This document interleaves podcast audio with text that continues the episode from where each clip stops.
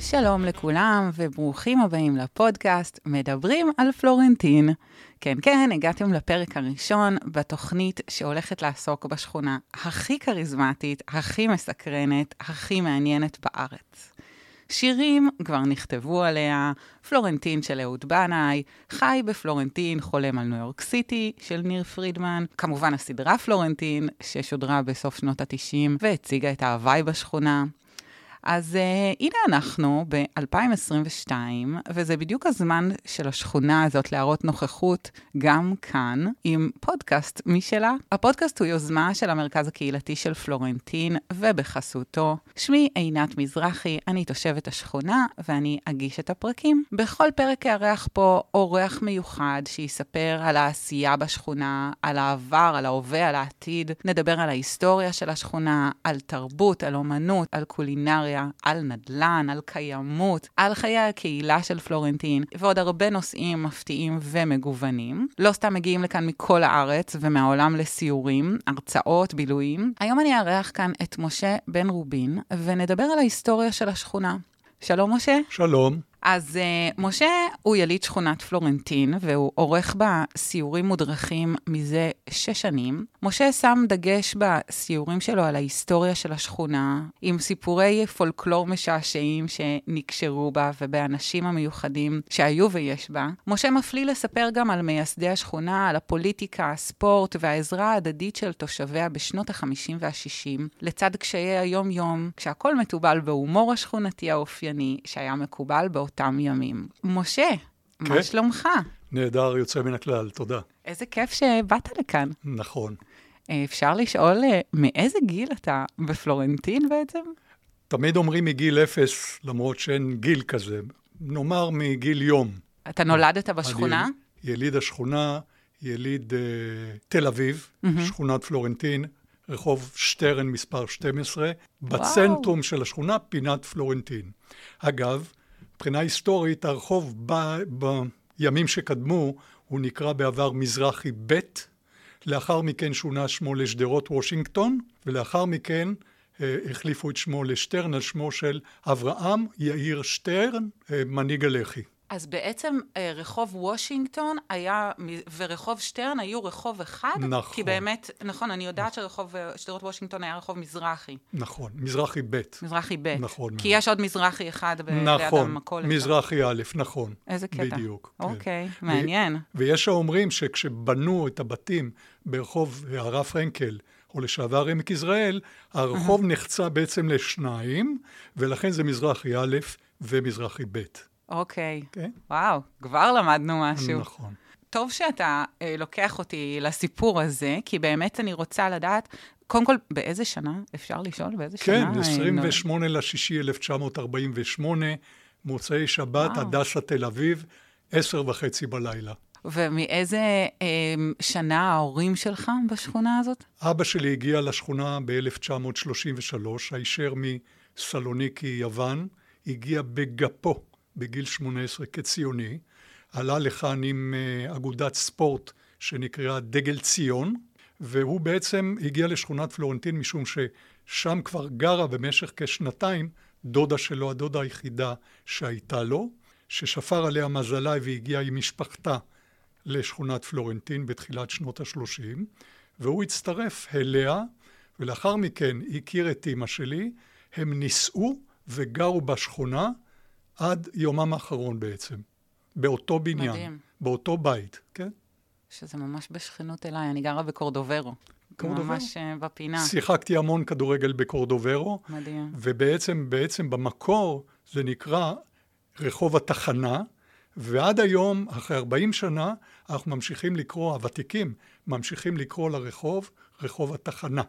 וכאשר אני פעם שאלתי אנשים למה קראו לזה רחוב התחנה, איש לא ידע להסביר לי, למעט אימא שושנה, אימא שלי, שאמרה, מה זאת אומרת? הייתה פה תחנה של המשטרה הבריטית. בקורדוברו. בקורדוברו, לא רחוק מפינת מזרחי ב' בעבר, נכון? וואו. כך אוקיי. אמרה לי אימא שושנה. איפה שיש שם אולי את הגלריה עכשיו. אה, נכון. מעניין. כן. אז uh, באמת uh, דיברת על זה שההורים שלך נמצאים בשכונה מ-1933, אבא שלך, Mm-hmm. אז אני אתחיל בקצת עובדות, ואז אנחנו נפלא. נצלול פנימה. אז uh, קודם כל, השכונה הוקמה באמת כמה שנים לפני שאביך הגיע לשכונה. השכונה הוקמה ב-1927. על פני פרדס גדול. כל העובדות כאן מוויקיפדיה. עד שנת 1948, השכונה הייתה חלק מיפו. נכון. פלורנטין נוסדה על ידי דוד אברבנאל והקבלן שלמה סולומון פלורנטין, שעלה לישראל מסלוניקי שביוון, ובאמת על שמו נקראת השכונה. לא, טעות. על שמו לא, אם, מאחר שבעובדות עסקינן, בטח. זה טעות רווחת. רחוב פלורנטין, הרחוב הראשי בשכונה, צריך לשים לב, נקרא דוד פלורנטין, ולא שלמה פלורנטין, היזם, המייסד. עכשיו, כשאני בדקתי את הדברים, מסתבר שדוד פלורנטין היה עיתונאי ופעיל ציוני בסלוניקי יוון, אוקיי? ממייסדי היישוב צור משה בשרון, וכנראה מתוך כבוד קראו לרחוב הראשי של פלורנטין על שמו דוד פלורנטין, שאגב אין לו שום קשר משפחתי עם שלמה פלורנטין המייסד. וואו, קודם כל נתת לי עכשיו שיעור לחיים, ואני אסביר למה. אוקיי. כי כשהוצאתי את העובדות מוויקיפדיה, אז כתבתי באמת, העתקתי, עשיתי קופי פייסט של שלמה פלורנטין, ואמרתי, אבל למה אני זוכרת דוד פלורנטין? כי אני רואה את השלט הזה יום-יום. נכון. ואמרתי, אבל אני זוכרת דוד פלורנטין, טוב, ואז פקפקתי באמת בזיכרון שלי, והלכתי עם, ה... עם מה שכתוב. אז קודם כל זה שיעור לחיים, נכון. כשאני תכננתי לפני שנים את הסיורים המודרכים שלי, מן הסתם בדקתי. הסתובבתי, חזרתי לשכונה למספר פעמים, בדקתי והחלטתי איפה יהיו התחנות שבהן אני נעצר ומסביר ומספר. ובין היתר, אם שמים לב, ברחוב פלורנטין, מספר אחת, הוא בעצם פינת רחוב אברבנאל. Mm-hmm.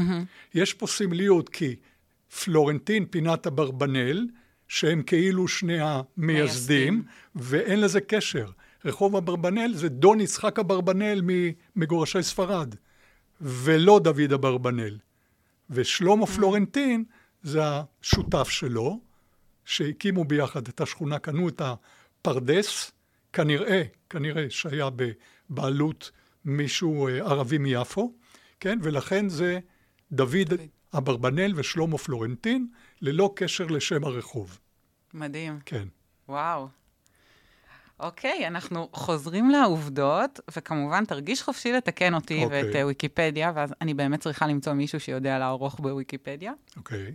אז השכונה תוכננה כשכונה בורגנית, המשלבת עסקי מלאכה, תעשייה זעירה ומסחר, לצד בניינים בני שלוש עד ארבע קומות, שרחובות צרים ביניהם. בשנת 1936, בעקבות המרד הערבי הגדול, פרץ סכסוך בין תושבי השכונה לעיריית יפו, והתושבים פתחו במרד מיסים והקימו ועד מקומי שדאג לספק שירותי ניקיון ורווחה לתושבים. ועובדה אחרונה, השכונה סופחה לתל אביב מעט אחרי כיבוש יפו על ידי כוחות האצ"ל. בראשיתה אוכלסה פלורנטין בעולים יהודים מיוון, פולין, צפון אפריקה, בולגריה, טורקיה ובוכרה. ולקראת סוף שנות ה-60 של המאה ה-20 החלה נטישת השכונה על ידי תושביה המקוריים, שאת מקומם תפסו עסקי מסחר ותעשייה זעירה. בשנת 1991 הכריזה עיריית תל אביב על פרויקט התחדשות אזורי, שנמשך עד לסוף העשור, ומאז מובילות אותו יוזמות פרטיות הכוללות שיפוץ מבנים, בניית בתי דירות, פתיחה של בתי קפה, מקומות בילוי, ובעצם פלורנטין, כמו שאנחנו מכירים אותה היום. אז משה, נשמח לשמוע ממך בפרק באמת קצת על ההיסטוריה של השכונה, על ההוואי. אני יודעת שיש לך כל מיני סיפורים משעשעים וכבר רשמתי אותם לעצמי. אז עם מה היית אתה רוצה להתחיל? מה הסיפור, נאמר, בסיורים שלך שהוא הכי מפתיע או משעשע? אני חושב שהיזמים, ליזמים שלנו, לדוד אברבנאל ושלמה פלורנטין, בהחלט הייתה איזושהי משנה סדורה, והיה להם חזון. זאת אומרת, הם ידעו איזה שכונה הם רוצים לבנות. כל השכונה, כמעט ללא יוצא מן הכלל, הבתים ביניהם מחוברים זה לזה, עם חצר פנימית שחיברה בין הבתים, כן? כאשר השכנים בדרך כלל יצרו קשר האחד עם השני בחצר האחורית בין המרפסות, בין הבלקונים, יותר נכון לומר, מהחלונות, ראה בוסתן ספרדי. וכך התנהלו להם החיים, זאת אומרת, מבלקון לבלקון, מחלון לחלון. ה...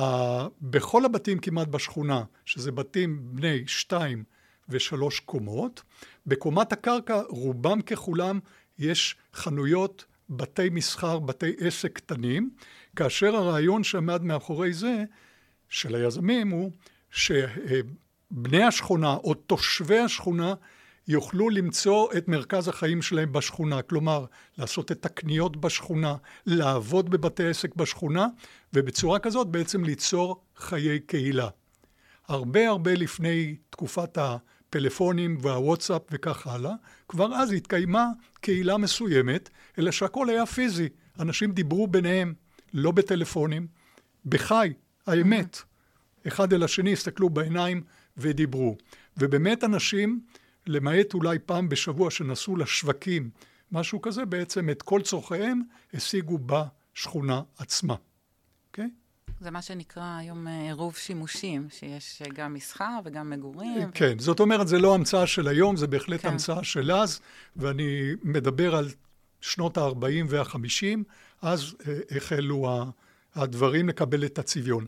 הצביון הלדינאי, מלשון לדינו, בעצם הגיע לשכונה משום, משום שכ-60 אחוז מתושביה הראשונים של השכונה היו מיוון ומטורקיה.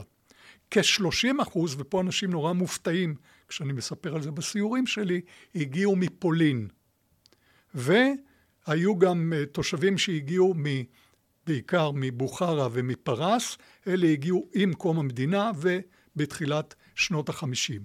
השפה ששמעת בדרך כלל ברחוב הייתה אה, ספניולית, יידיש ועברית, וכשהקשבת לזה ושמעת את השפה, נחשפת לשפה שהיא בעצם נשמעה כשפה תלת לשונית מקדמת דנה.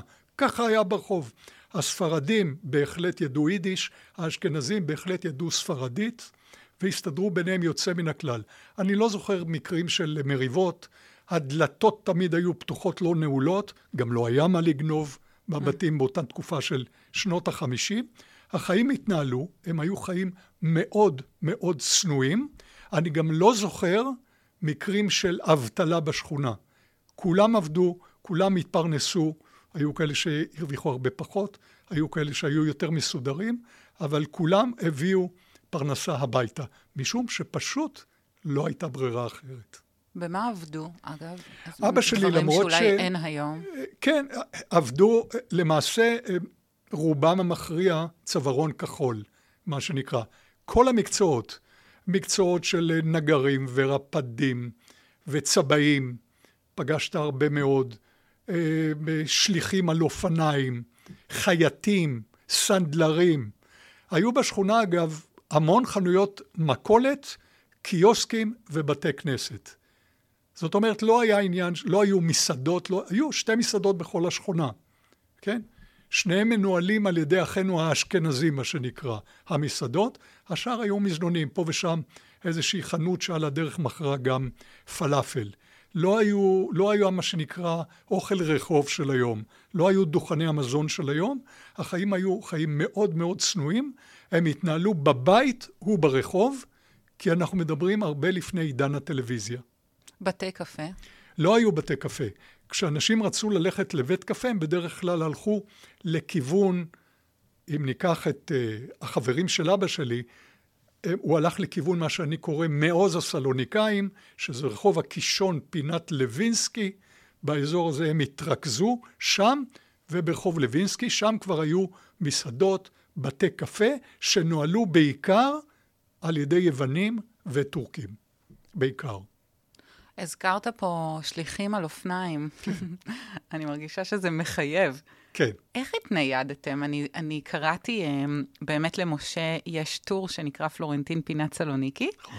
וקראתי, um, אחד הטורים שלך, הוא נקרא אוטובוס שיש לו שכונה. נכון. אז מעניין אותי איך באמת התניידתם בשכונה, היום יש קורקינטים, נכון. אופניים חשמליים.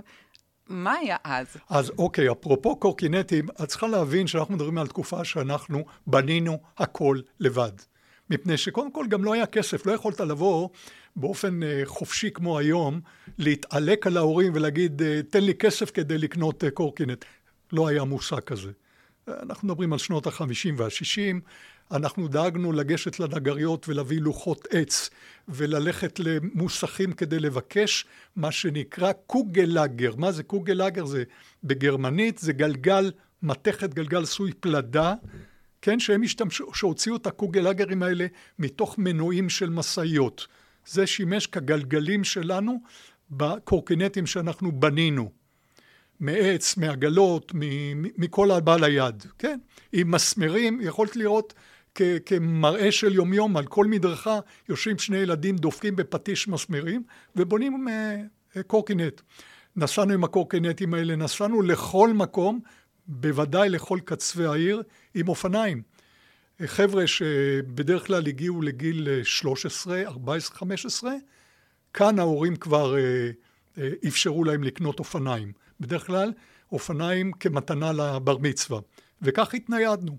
עכשיו, כאשר רצינו למשל לנסוע לבלות עם חבר'ה, ולא לשפת הים בדרך כלל, זה היה באוטובוס או ברגל. הלכנו קילומטרים ברגל.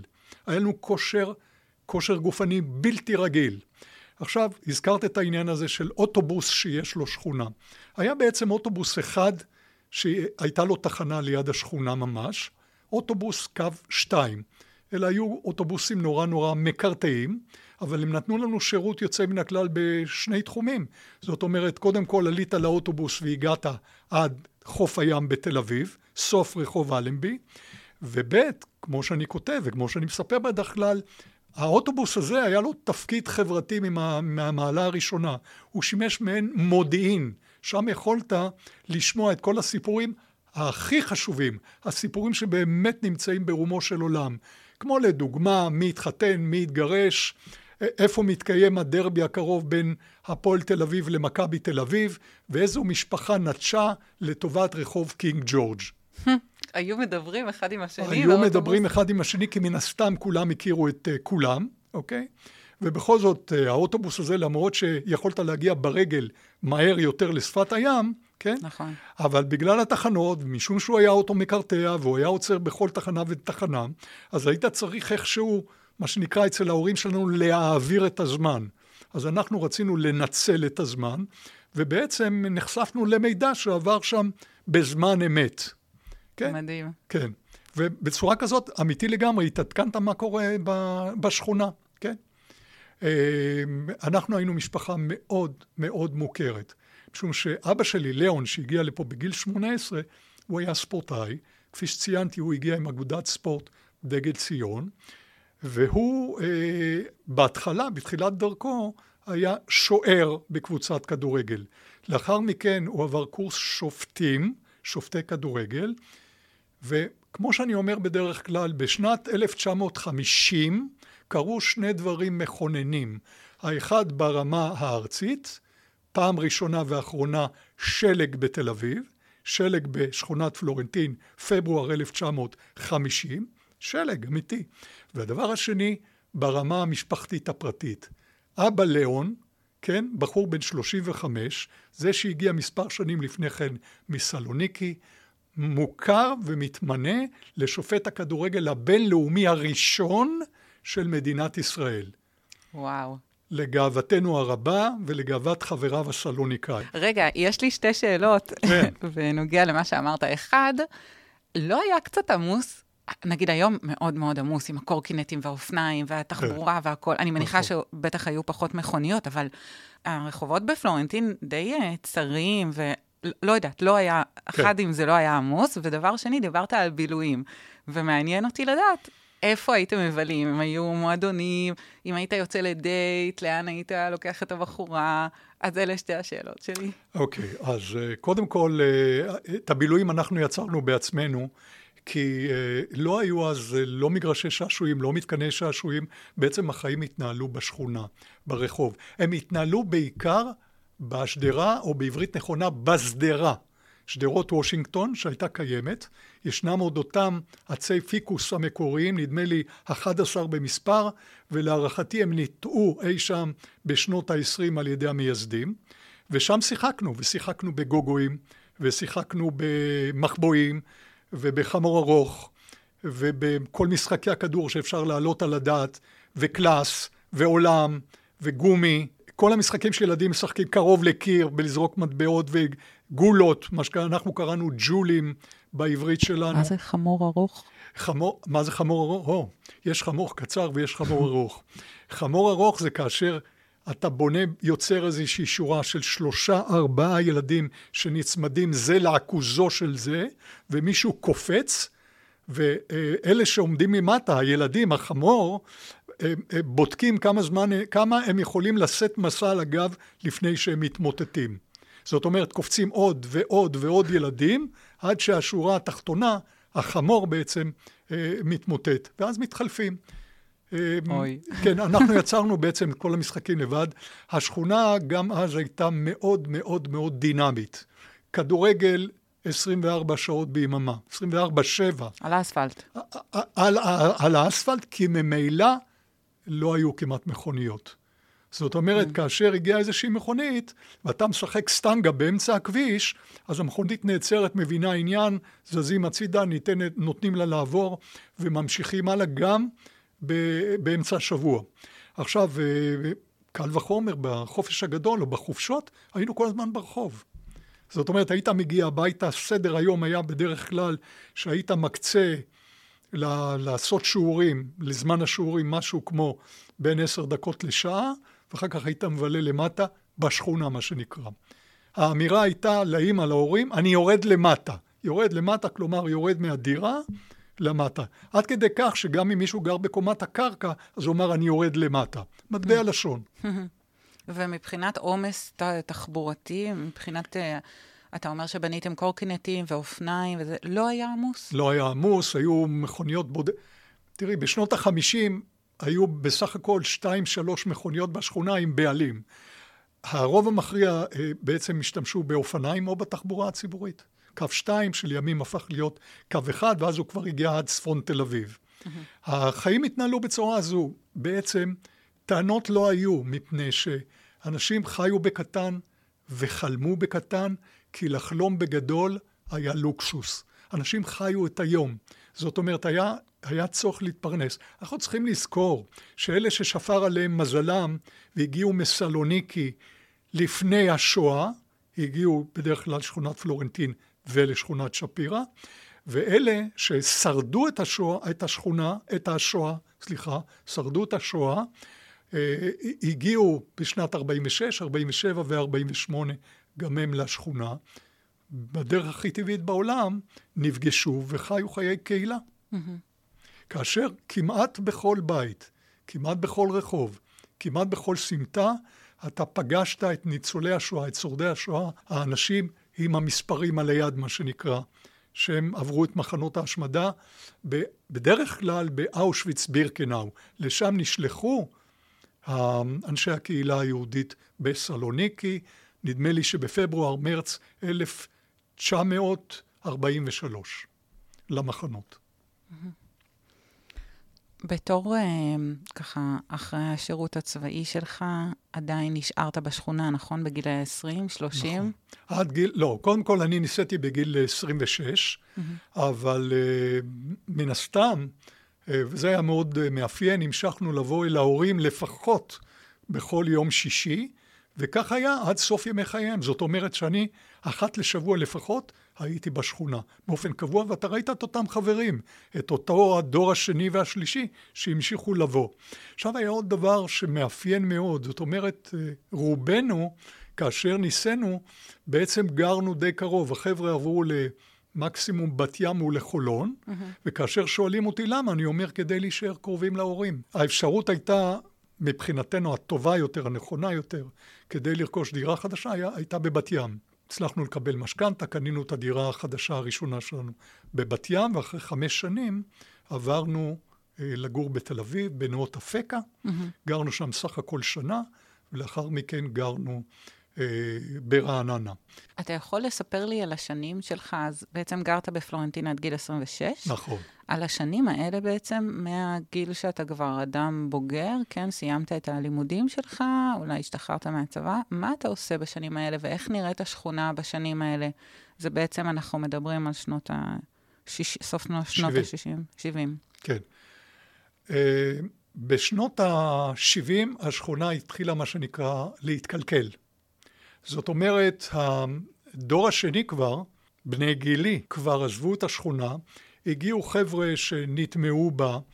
אמ, במובן מסוים אפשר לומר סוג של פרחחים, שחיו אמנם לצידנו, אבל השכונה במובן זה קצת הייתה מקולקלת, לא לפי הקו הראשוני שלה, לא, לא לפי התוכנית הראשוני, והיא קיבלה שוב תפנית טובה יוצאת מן הכלל אי שם בשנות התשעים, אלפיים, כאשר עיריית תל אביב החליטה שהיא לוקחת את השכונה הזו כפרויקט, ואז בשנות ה-80, 90 ו-2000 החלו להגיע לשכונה הרבה מאוד חבר'ה יוצאים מן הכלל, משכילים, יצירתיים בטירוף, גרפיקאים, שחקנים, בעלי סטודיו לאומנויות מכל מיני, ואז היא התחילה לקבל את הצביון השונה שלה. כלומר, הייתה איזושהי אה, אה, אה, אה, קפיצה בזמן מסוף שנות ה-60 עד שנות ה-85, ואז היא בעצם אה, הגיעו אל תוכה, אל תוך השכונה הזאת, אותם חבר'ה צעירים שהיו הראשונים לתת את האופי המיוחד, האופי המיוחד של השכונה כפי שהיא בשנים האחרונות האלה. מה זאת אומרת פרחחים שהגיעו לשכונה? מי אלה היו ומה בדיוק הם גרמו? מה, הייתה פשיעה? הייתה, הייתה פשיעה, מה שנקרא די בקטן, מין אה, פושעי צעצוע, מה שמכונה וכך הלאה.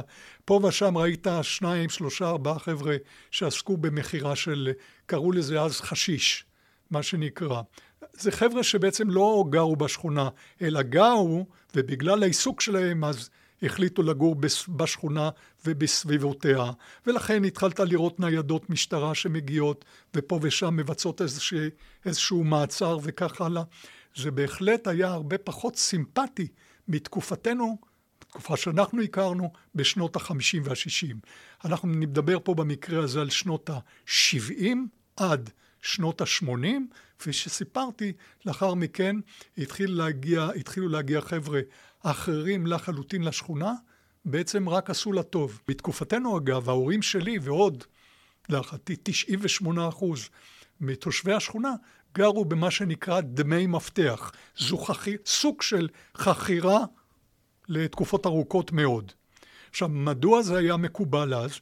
משום שקבלנים שבנו בשכונה את הבתים הראשונים, רצו בעצם שאנשים יסכימו לבוא ולגור בשכונת פלורנטין שהייתה בשנותיה הראשונות. צריך להבין שהחיים לא היו קלים, מה גם שהשכונה גובלת בעצם ביפו, גובלת בעצם באיזשהו מרחק לא גדול באבו כביר, מופגזת מעת לעת בשנת, אה, בשנים הלא טובות שלפני הקמת המדינה, מופגזת על ידי מרגמות שנורו מאבו כביר לכיוון השכונה וכך הלאה. היו לה שנים לא טובות, אבל היו שנים של עזרה הדדית שהדגשנו אותה, ההומור המיוחד האופייני לשכונה, בסרקי הרחוב, הצניעות. הצניעות זה דבר שבלט מאוד מאוד. כמו שאמרתי, משום שלאנשים לא היה זמן לכל מיני שטויות או לצרות, וככה להם התמקדו באמת בחיים הקטנים שלהם. הייתה את אותה אה, הפוגה לא טובה בשנות שנות ה-70 עד 80-85, ואחר כך הייתה הפאוזה היוצאת מן הכלל, כאשר הגיעו אל תוך השכונה חבר'ה שנתנו לה את הצביון שאתה יכול לראות, אלה היו הניצנים, את הצביון של השכונה שהיא נראית היום, מכיוון שאני נמצא הרבה מאוד בשכונה, אני בעצם אה, נורא נהנה מהחבר'ה הצעירים שנמצאים שם, שחיים, הכל נורא נורא צבעוני. דברים אגב שמאוד מאוד בולטים ביחס לתקופה שלנו, זאת אומרת, אתה יכול לראות אנשים שהולכים עם שניים, שלושה, ארבעה כלבים. לא כבייביסיטרים של כלבים, אלא כבעלי mm-hmm. הכלבים. אתה רואה הרבה מאוד זוגות זוגות מאותו מין. זה לא דבר שכל כך התקיים בתקופתנו, רחמנא ליצלן. היום זה דבר כל כך מקובל, ואף אחד לא רואה בזה... זאת אומרת, מה שאני בעצם רוצה לומר, שזה חיה ותן לחיות. זאת אומרת, אנשים עושים, אין בעיות שם, אתה יכול להסתובב בכל שעה, בביטחון רב מאוד, המון המון ילדים קטנים, צעירים. הבן שלי, עומר, גר מרחק לא, גב... לא גדול משם, במתחם נוגה ביפו. Mm-hmm. עשר דקות הליכה. הבן שלו כבר לומד בבית הספר שנמצא בשכונה. דרויאנוב. בדרויאנוב, mm-hmm. כן. אני לא הספקתי, אני, הספק, אני אה, שנה או שנתיים אה, נרשמתי לפני כן לבית הספר ביאליק. אוקיי, אני מבוגרי ביאליק. שאר החבר'ה כבר למדו בדרויאנוב. היום דרויאנוב אה, זה בית ספר ברמה גבוהה מאוד, mm-hmm. ויש לך את המרכז קהילתי, כל הדברים האלה לא היו. אני רוצה אגב לספר לך, אפרופו עיסוקים ותחביבים ודברים מהסוג הזה. בתחילת שנות ה-60, ההסתדרות, הסתדרות העובדים הלאומי, הלא הלאומית, ההסתדרות, החלה שהיא עושה, החלה להקים מועדונים טכניים כדי להעסיק את נוער השכונות. ואז כ, כ, כפיילוט הם בנו את המועדון הטכני הראשון שלהם ברחוב סלמה בשכונת פלורנטין, אוקיי? ואנחנו התחלנו לבוא לשם לבלות וליהנות וללמוד ולהשתתף בכל מיני אה, חוגים, בעיקר של נגרות ומסגרות. בילינו שם איזושהי תקופה. ואני, אה, לאחר שנים, פגשתי את אחד המדריכים, ושאלתי אותו שאלה, למה, למה לימדתם אותנו רק נגרות ומסגרות? למה לא היו שם חוגי מוזיקה, קולנוע, גרפיקה, ציור, אומנות, משחק? אמרתי לו, אם היה שם קולנוע, אני הייתי ישן בתוך המועדון עצמו. למה לא היו חוגים כאלה? אז הוא אמר לי ככה, תראה, אני רוצה לומר לך את האמת, אנחנו אז, באותה תקופה של שנות ה-60, הערכנו שאתם לא תגיעו לאוניברסיטה, אלא מתי מעט. מעטים מאוד אולי ימשיכו בתיכון, ואנחנו רצינו כתפיסת עולם פוליטית לתת לכם איזשהו בסיס מקצועי. וההנחה הייתה שאתם תהיו אנשי הצווארון הכחול, ולכן המקצועות שאתם למדתם אלה מסגרות ונגרות. אנחנו בסך הכל נהנינו מאוד, מפני שפתאום יש לך מועדון טכני, שאתה יכול לבוא אליו פעם, פעמיים, שלוש פעמים בשבוע, בחינם, להשתעשע, לראות uh, סרטים שהוקרנו שם וכך הלאה, ולהשתעשע בבנייה של כל מיני דברים. עכשיו, כתוצאה מכך, אבא שלי רשם אותי לתיכון מקצועי. אה, אה, אם יש דבר שאני שונא, זה לעמוד על יד מכונה ולעסוק במקצועות מהסוג הזה. התחלתי לעבוד, התחלתי ללמוד בבית ספר מקצועי, ונעמדתי, העמיד אותי מאחורי מחרטה. המחרטה ראתה מהר מאוד שרומן גדול לא יצא פה, אהבה גדולה לא תצא כאן, היא החליטה, החליטה להתאבד ושברה את מפרקתה כעבור כמה שבועות, ונגמר הרומן הגדול. ובאמת, אחרי הצבא, בחרתי לעסוק כבר בדברים שאני הרגשתי אליהם הרבה יותר קרוב, בדברים שהם היו מבחינתי יצירתיים, מאוד כתיבה, עריכה, הוצאה לאור, פרסום, שיווק וכך הלאה. ובסיורים שלי אני אומר לאותם אנשים שבאים לסיור, שאני נורא נהנה, ואני גאה בדור הצעיר של היום, שמאפשרים למי שיש יכולת כספית, לילדים ללכת לכל מיני חוגים ולהחליט במה הם רוצים לעסוק בחיים.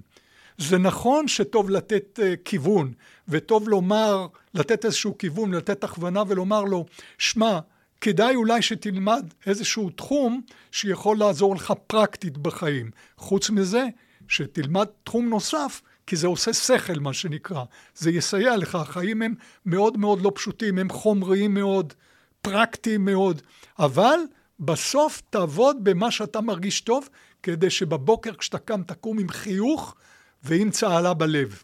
זה לא היה בתקופתנו, כי אנחנו לא יכולנו בעצם לקבל החלטה, ברוב המקרים, שהיא שונה מההחלטה של ההורים. ההורים אמרו, אין דבר כזה, אתה צריך להתפרנס, מתפרנסים מעבודות כאלה. נגרות, מתכת, או בגדול צווארון כחול. אלה היו החיים. אה. ובסך הכל אבל די הצלחנו, כי עובדה שאני ורבים מחבריי לקחנו כיוון אחר, ורבים מאוד הצליחו. אגב, בצפון תל אביב היו חוגים של אה, מוזיקה? ו... בחלק מהמקומות, בהחלט כן. זאת אומרת, כל מי שסיפרתי לו, והוא הגיע מצפון תל אביב, לא יצא חוצץ נגד הדברים שאמרתי לו. הוא אומר, כן, היו ריתמיקה, חוגים מהסוג הזה, מוזיקה וככה. זה לא היה אצלנו. משום שעוד פעם, בהגדרה, כן. או בתפיסה, או באג'נדה הפוליטית, הם ראו את הדברים בצורה שונה, כנראה. זה הפרשנות הפרטית שלי. כן. לאחר מכן פתחו מועדונים טכניים במקומות אחרים, ביפו, בשכונת שפירא נדמה לי, בשכונת, בשכונת התקווה, אבל המקום הראשוני, הניסויי, היה בשכונת פלורנטין. לא הבנו אז בדברים האלה, לא עסקנו בדברים האלה. היה מועדון יוצא מן הכלל, טוב, אבל לימים שאלתי את עצמי בעצם למה אלה היו המקצועות ואלה היו התשובות שקיבלתי. והעובדה היא שכתוצאה מזה, אבא שלי בין היתר לקח אותי, כן? אתה צריך מקצוע, ללמוד, להיות uh, מסגר וחרט. Mm-hmm. כאשר זה היה, הדבר הרחוק ממני ביותר. זאת אומרת, זה שני, דבר, שני קווים מקבילים שאין סיכוי שהם ייפגשו ביניהם. אגב, מרכז קהילתי, כמו שאנחנו מכירים היום, אה, כמו למשל המרכז קהילתי בפלורנטין, ברביעייה, ממתי אתה זוכר דבר כזה? בעצם מרכז שאנחנו יודעים שיש בו הכל, חוגים מכל הסוגים, והרצאות, okay. אוקיי. והוואי. אוקיי, okay. אני בעצם נחשפתי למרכז הקהילתי פלורנטין, ואני יודע שהם עושים, אני מודע לזה, הם עושים הרבה מאוד פעילויות לילדים. נכון. יוצאים, פעילויות יוצאות מן הכלל. זה לא היה בזמני. וגם לציירים, אגב, וגם גם לגילאים 20, 30, נכון, 40. נכון, כן. אמת. נכון. הלוואי עלינו בתקופתי, זה לא היה. נאלצנו להסתדר לבד. אוקיי? ונראה שעשיתם את זה. עשינו את זה, ביג טיים, כן. אנחנו עוד מעט צריכים לסיים, והייתי רוצה לשמוע ממך על איזה שלושה סיפורים. אתה אומר שבאמת היה את ההומור של השכונה, וזה איזה שלושה סיפורים משעשעים על השכונה, מה שאתה רוצה. אוקיי. יש uh, uh, דבר שאפשר לספר אותו, שהוא, שהיא בעצם uh, עובדה, אלה עובדות, נתבסס על העובדות, אין טוב מזה. בדרך כלל בחורף, בגשם הראשון, כן, יש לנו, הגבול הדרומי של השכונה, הגבול, ההיסטורי של השכונה, הוא רחוב סלמה הידוע. בגשם הראשון, תוך חצי שעה, נהר שוצף. גובה מים מגיע לחצי מטר. כאשר אם היית בצד אחד של המדרכה, בצד אחד של הכביש, לא יכולת לחצות לצד השני ולהפך. פשוט היה בלתי אפשרי, לא היו ניקוזי מים מסודרים וכך הלאה. ואז מהר מאוד, תוך דקות, היו שניים שלושה חבר'ה עם מה שנקרא, הדור הצעיר לא יודע מה זה, תלת אופן. זה אופניים עם שלושה גלגלים, שבדרך כלל עושים עליהם הובלות, סבלות.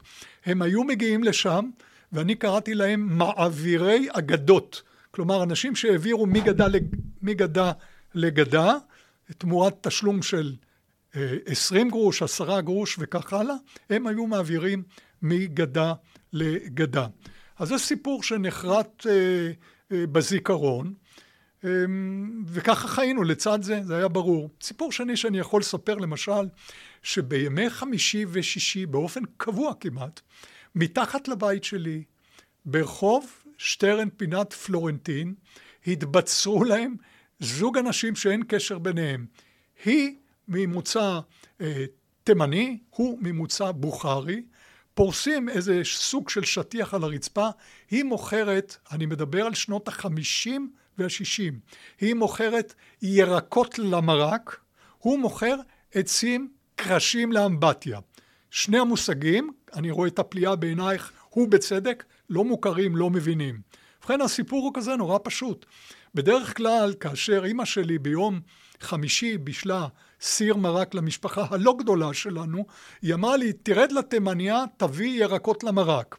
שאלתי אותה בכמה, אז היא אמרה, היא יודעת. כלומר, התימניה הייתה נותנת לי עשרה גרוש, הייתי אומר, אמא אמרה ירקות למרק. היא הייתה לוקחת נייר עיתון, שמה את כל אה, פטרוזיליה, שמיר, אה, דלת, דברים מהסוג הזה, עוטפת את זה בנייר עיתון, הייתי עולה למעלה, וראה איזה פלא, זה הספיק בדיוק לסיר שהיה מונח על הגז, ואימא הכניסה את זה בפנים.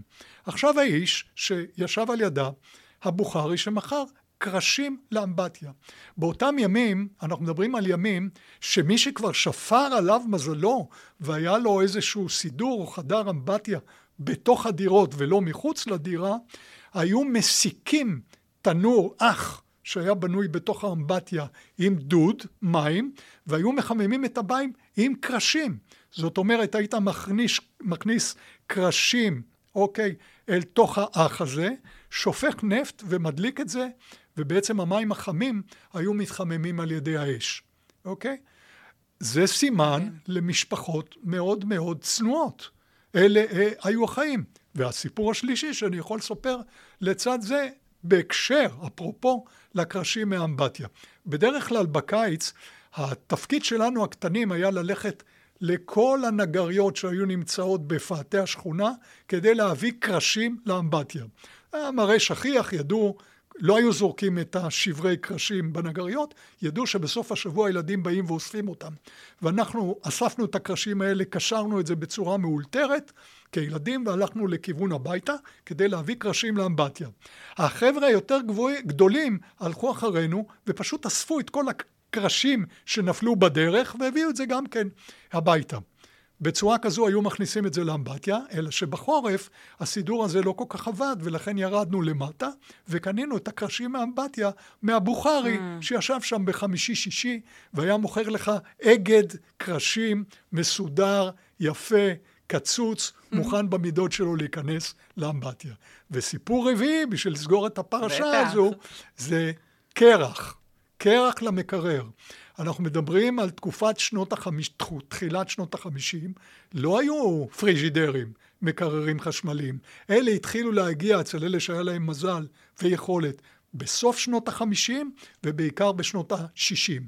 עד אז היה מה שנקרא ארגזי קרח, ואז יכולת לקנות אה, רבע בלוק או שליש בלוק של קרח בבית החרושת לקרח, והיו שניים כאלה בשכונה. פשוט הלכת פעמיים בשבוע. למה פעמיים בשבוע? כי פשוט הקרח נמס לו. והיית מכניס את זה לתוך ארגז הקרח, האמא הייתה מכניסה את זה לתוך ארגז הקרח, מה שחייב אותנו ללכת למכולת לקנות כל הזמן מצרכים טריים, מפני שלא, או לבשל, וזה הספיק ליום יומיים, הקרח נמס ולא יכולת להקפיא דברים. כל הארגז קרח הזה היה לא יותר גדול מאיזושהי מלונה ממוצעת בגודל שלה. זה נותן לכם איזשהו אה, מושג לגבי החיים. וכשאני אמרתי חיים צנועים וחלומות קטנים, זה משום שלחלום בגדול היה לוקסוס. וואו, אני, יש לי עוד כל כך הרבה דברים שבא לי לשאול אותך, רגע, עוד משהו עוד אחד. שיושב לי על קצה הלשון. איזה כיף לי, אל תסיימי. מסעדות, אמרת שהיו רק שתיים, ושתי, אמרת שתי מסעדות אשכנזיות. הי... איזה מסעדות אלו היו, היו ומה שתי, הגישו שם? היו שתי מסעדות. אחת הייתה פלא לא נורמלי של אדון אולצר, חרדי, שעלה מהונגריה, אוקיי? אה, לדעתי הוא לא היה גר בשכונה, אלא כנראה בסביבות השכונה. הייתה לו מסעדה ממש בצמוד לבית שלי, למטה בקומת הקרקע. Mm-hmm. הוא היה מכין אוכל ביתי אשכנזי הונגרי, והדבר המדהים הוא שהאנשים מהחצר הרבנית שלו, הקהילה שלו, היו מגיעים לשם עם סירים בשבת, היה פתוח בשבת, היו מוזגים להם את האוכל, והם היו חוזרים ביום ראשון כדי לשלם עבור האוכל שהם לקחו בשבת. כדי ליהנות מאוכל mm. טרי וחם. כלומר, הוא היה מבשל חמישי ושישי, אוקיי? ואחר כך כנראה על, על uh, uh, פתיליות או על פלטות לשבת, העסק הזה היה ממשיך להתחמם mm-hmm. בימי שבת. אני מדבר על גיל 6, 7, 8, זה פחות או יותר הזיכרון שנחרט. הם היו באים, עומדים בתור ליד המסעדה אחרי בית הכנסת בשבת, יוצאים משם עם סיר וחוזרים לשלם לו בתחילת כן. השבוע. הייתה מסעדה נוספת, יותר רצינית, יותר גדולה, שכל העדות באו לאכול שם, זה הייתה, אנחנו קראנו לזה בעצם נקניקייה, כך היה מקובל לקרוא לזה. זאת אומרת, עסק שלצד האוכל הביתי מכר אה, נקניק ונקניקיות וכך הלאה, שגם הוא היה ברחוב פלורנטין, לא רחוק מהבית. ברחוב פלורנטין הייתה מסעדה, אה, אלה היו בעצם שתי המסעדות העיקריות שהיו בשכונה עצמה. השאר בעצם היו במרחק קצת יותר גדול כמסעדות אמיתיות. היו מסעדות ברחוב הרצל, ברחוב הקישון, כמו שאמרתי בשוק לוינסקי, שזו תופעה בפני עצמה, כי כידוע הכל השתנה היום, וזה הפך להיות מדרחוב. אנחנו מדברים על תקופה אחרת, אוקיי? אגב, ומסיבות, מועדונים ודברים כאלה? מסיבות מועדונים לא בשכונה, יצאנו, היינו מתלבשים פרנג'י, יוצא מן הכלל טוב, הייתי מסתרק עם הברלנטין בשיער וכך הלאה. סך הכל ילד טוב, היינו ילדים טובים, והיינו פוגשים, הייתי נוסע לצפון תל אביב, אוקיי? ואלה היו הבילויים. שם היית מבלים? בצפון כן, תל אביב? כן, שם היינו דווקא? מבלים, זאת אומרת, מה שנקרא אה, אה, חברה סלונית, אה, סוג של, אוקיי? לאחר מכן קמו הדיסקוטקים והמועדונים, המועדונים, בסוף שנות ה-60 וכך הלאה. אלה היו בדרך כלל הבילויים. בילויים בשישי שבת לא היו בשכונה. מה כן היה בשכונה? זאת אומרת, היית בשבת בבוקר, שתי אפשרויות, שלוש אפשרויות. שבת בבוקר נוסע או לים, לראות משחק בבלומפלד, בבלומפילד, שבעברו היה נקרא באסה, אוקיי? באסה, או שהיית עולה על אופניים ונוסע לשפת הים, לחוף אה, פרישמן, גורדון, אה, שרתון, וכך הלאה. אלה היו החיים. היית חוזר הביתה בצהריים, חוטף איזה ש... ש... שינה של שעה-שעתיים, ובערב יוצא לבלות. מדהים. איזה חיים. בקטן, תאמיני לי זה בקטן. וחשבנו שאנחנו כמו שחשה הצפרדע שנמצאת בביצה והיא חושבת שהיא בלב האוקיינוס. וואו, משה, היה לי מדהים וזכות גדולה לארח אותך. ממש ממש תודה שהגעת אלינו. אנחנו מקליטים כאן אה, בבית אריאלה, באולפן פודקאסט החדש. משה, תודה רבה לך. תודה רבה לך, נעמת לי מאוד, ואכן אה, החזרת אותי לאחור, ואת תוזמני לסיור הקרוב, סיור האורחים, וואו, שיהיה לי כיף. ממש בקרוב. בואו. איזה כיף. מתי הסיורים אה, מתקיימים? הסיור, הסיור, אה, בעצם הסיורים יחודשו בסתיו הקרוב, מהמם. מן הסתם בגלל מזג האוויר. יש סיורים קבועים שאני מפרסם אותם מראש, בדרך כלל הם מתאספים ביום שישי בלב השכונה ב-10 בבוקר ויוצאים לסיור שהוא אורך כשעתיים. ויש כאלה שמזמינים סיור פרטי, שהוא אה, סיור גיבוש, אה, חוגגים משהו וכולי וכולי, ואז באה קבוצה של מסיירים, מסיירים, ואז הם קובעים איתי פגישה או סיור מסוים, לעתים באמצע השבוע בשעות הערב או הלילה, ואז יש את האווירה המיוחדת של שכונת פלורנטין, שהיא עם האור, עם האור הזה, עם החשיכה, נכון. המעורבים ביחד, זה משרה אווירה מאוד מאוד uh, טובה, אפילו רומנטית במידה מסוימת. נפלא. אז uh, אתם יכולים למצוא אותו בפייסבוק, משה בן רובין. אני ממליצה בחום אחרי מה ששמענו פה היום, ואני כמובן אשמח להגיע לסיור. תודה רבה, משה. ואם מישהו מחפש אותי, זה משה בן רובין בעברית, או את הכותרת שלי שהפכה להיות uh, מותג, פלורנטין פינת סלוניקי, הטור של משה בן רובין. תודה רבה יקירה, היה לי כיף לא נורמלי. איזה כיף. תודה רבה, תודה. שיהיה יום נפלא, ותודה רבה לכם, ואנחנו נתראה בפרק הבא של מדברים על פלורנטין.